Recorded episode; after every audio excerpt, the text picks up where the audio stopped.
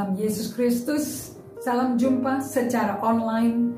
Saya percaya Tuhan kita tidak pernah tertidur maupun terlelap dan Anda semua dalam situasi di alam roh yang tidak menentu, di udara yang tidak menentu maupun di bumi, di darat, tapi kami percaya ada satu tempat yang pasti dan membuat kita tentu aman, yaitu di dalam hadirat Tuhan tentunya. Saya kepingin membagikan kepada kalian semua apa yang saya praktekkan dan saya belajar dan sangat berbicara ke hati saya di musim seperti ini. I never think saya nggak pernah berpikir bahwa di 2016 saya belajar untuk menanti Tuhan. Actually, kalau Daud berulang-ulang kali berkata, berdiam dirilah di hadapan Tuhan dan nantikan Dia.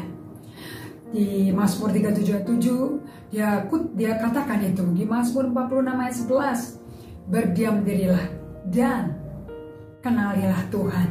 Atau Tuhan yang berkata berdiam dirilah be still and know that I am God.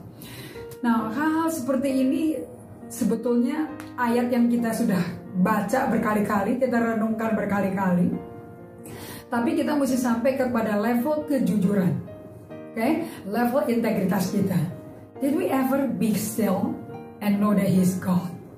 You know that tantangan paling berat di musim COVID-19 ini yang menjadi global ini bukan problem satu negara satu kota loh ini global seluruh dunia Amerika Prancis Italia Jepang Korea Australia New Zealand Indonesia semuanya mengalami pandemik COVID-19 si coronavirus ini loh you know. Nah saya belajar dari uh, kehidupan Nabi Elia.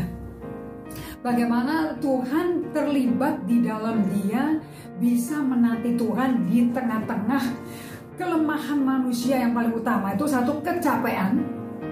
Kalau udah kecapean, badannya, fisiknya, jujur aja, badan itu rasanya kepingin geletak, tapi pikiran tegang karena banyak hal yang mesti ditangani. Namun, kalau berbaring, teler langsung. Tapi bisa tidur nggak ya? Nah, terus waktu doanya bagaimana? Waktu dengan Tuhannya gimana? Jujur saya sendiri pribadi mengalami itu semua dan tanpa sadar kita tidak hiraukan rasa kecapean tetapi tugas menanti. Agenda full. Nah musik kelar musik kelar musik kelar. Dan gak bisa dan jadi janji bertemu sama orang gak bisa dibatalin. Problem muncul. Segala macam muncul. Jadi kita tuh dituntut untuk alert. Berwas-was. Waspada. Saya nggak tahu Anda pernah mengalami seperti ini apa tidak. Tentu di musim COVID-19 ini, ini si COVID ini nggak pandang bulu, saudara-saudara. Ini virus yang datang bisa menyerang orang terdidik nggak terdidik, kaya miskin, suku bangsa, bahasa apa pun kita is in the same boat. Kita ada di kapal yang sama. Datangnya bisa perahu-perahu yang berbeda, tapi masuknya ke satu kapal. Sekarang pertanyaannya pada saya adalah nakodanya mau Yesus atau yang lain? Mau diri Anda sendiri yang panik, yang parno istilahnya, yang stres, dan sering kali kita nggak sadar kalau kita tuh stres. Anda baru tahu kalau kita tuh stres dengan saya telah dilayani dan saya belajar dari buku-buku di mana saya sejak 2016 di tengah-tengah krisis dan di tengah-tengah masalah paling berat yang shocking sekali yang saya belum pernah mimpi akan alami. Di situ saya bertemu dan diajak Tuhan untuk membuka buku yang tersedia semua di toko buku kita dan saya sudah jelaskan semuanya dari emotionally healthy spirituality Buku ini mengajarkan Do you know that you are emotionally unhealthy? Nah, untuk tahu bahwa Anda emosinya nggak sehat itu di tengah dan Anda sedang stres, kalau ngomong itu nadanya marah-marah, nadanya tinggi. Saya punya kompadre yang suka menjadi dirijen. Tangan kanannya suka neken-neken begini, suruh turn down the volume. Dan kalau kita sampai nggak sadar, volume kita soprano terus, oke? Okay? Dan terus bisa digini-gini, you know, di mana pun saja, kapan saja, Ya, ada yang suka kasih aba-aba, you know. Ternyata ini buku menjelaskan bagaimana kalau dikasih tanda turun, turun, turun kunci nadanya, turun. Kayak sopranonya diganti jadi alto atau bariton aja ya. Jadi yang dengar itu enak. Itu prosedurnya dari biasa tingkat pitch tinggi ke turun yang kalem dan teduh sehingga orang yang dengar itu bisa enak dengarnya aman terus diterima menerima dan juga merasa hati yang penyampainya itu lembut. Jadi dengar berita yang lembut itu enak gitu loh. Saya belajar ya hari ini ya supaya saya bisa kasih berita lembut.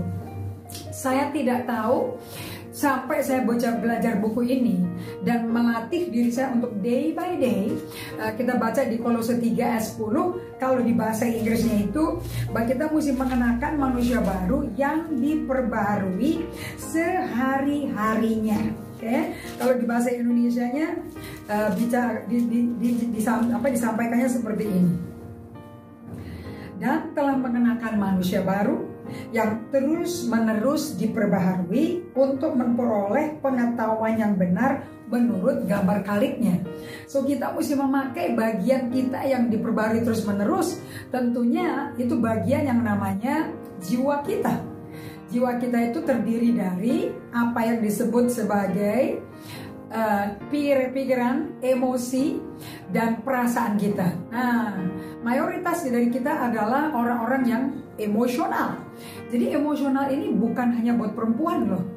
Di musim wabah pandemik uh, COVID-19 lagi perempuan jadi emosional. Karena apa? Karena masalah ekonomi terdampaki. Insecurity dari finances kita kena banyak pegawai yang dirumahkan atau bahkan di PHK. Tidak ada pesangon, bahkan yang di rumah pun tidak bisa kerja atau kalau musik kerja yang ada kerjaan puji Tuhan diberikan pemotongan gaji 25% sampai 50% bahkan ada yang 75% bahkan ada yang di tidak dibayar sama sekali oke okay? semua yang di bisnis pariwisata dan sebagainya so tentu ini akan membuat emosi-emosi gejolak semua nggak mungkin enggak oke okay? Nah, di Kolose 3:10 di King James Bible berkata seperti ini. And have put on the new man. Tentu ini manusia baru ini bukan rohnya karena waktu kita lahir baru roh kita udah baru. Ini jiwa kita. Which is renewed in knowledge after the image of him who created us. Oke. Okay? Nah, kalau saya pakai di terjemahan uh, lain, saya pakai uh, ESV ya dikatakan di sini bahwa atau, Amer, apa American Standard Version have on the new man that is being renewed unto the knowledge after the image of him that created him. Jiwa kita itu harus diperbaharui. Saya mencari uh, version dari dari Alkitab yang menjelaskan bahwa yang diperbaharui itu itu adalah jiwa kita dan terjadinya day by day.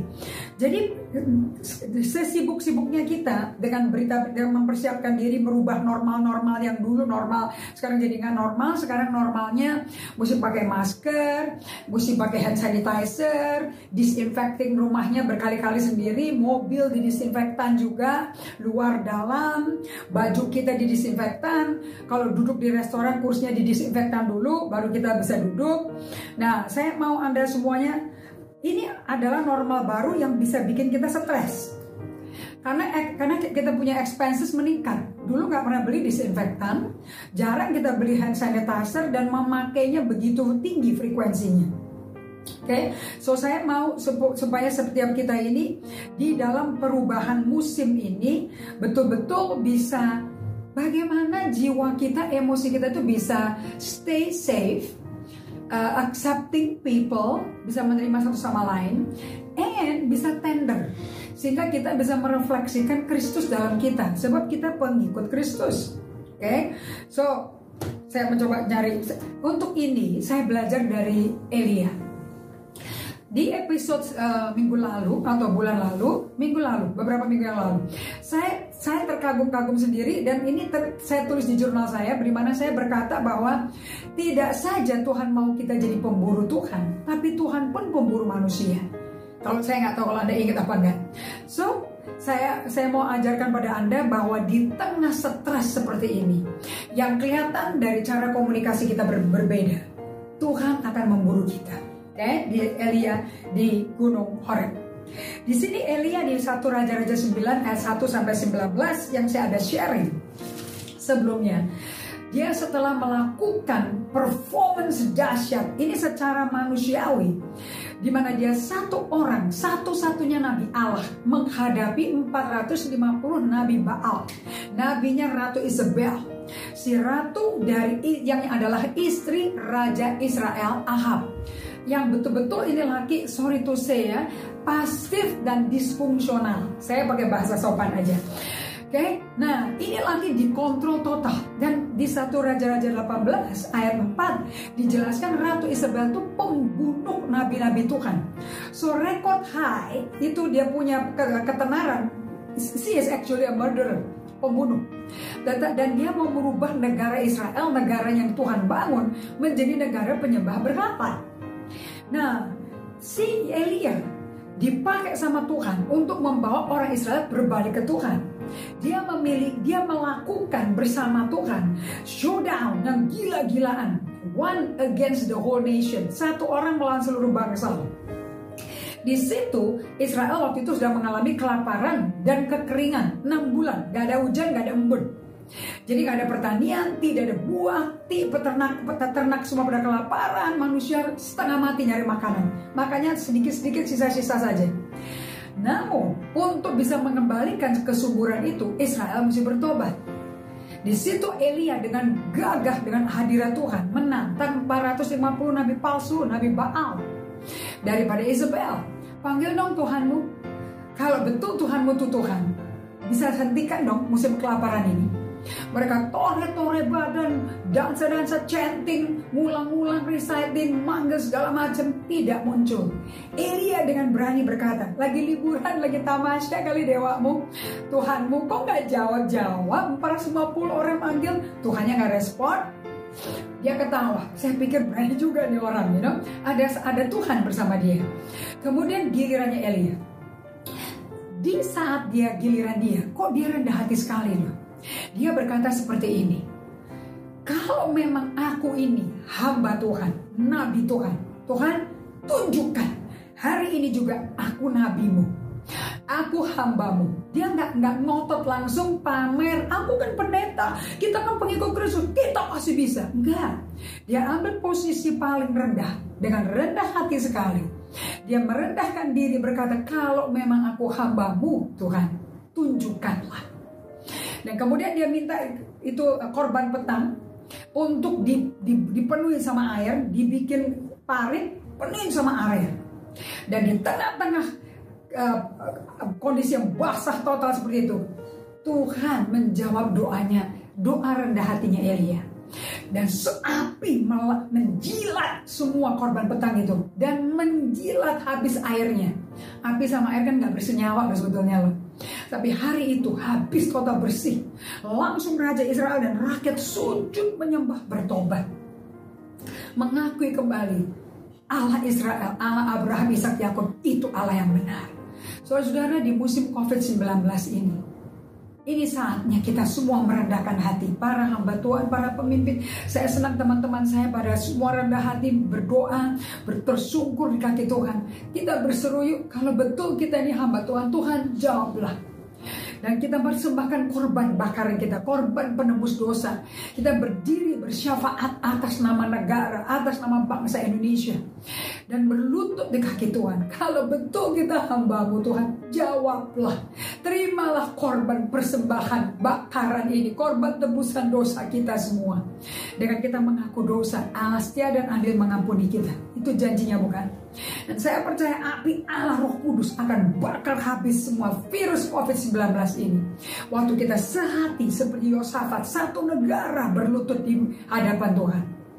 Nah saya mau tutup episode ini dengan berkata, ini saatnya saya mengundang Anda untuk berdiam, pergi ke tempat sunyi, nantikan Tuhan, dan belajar mengenal apa itu artinya menanti Tuhan sampai kehancuran dari COVID-19 diselesaikan Tuhan.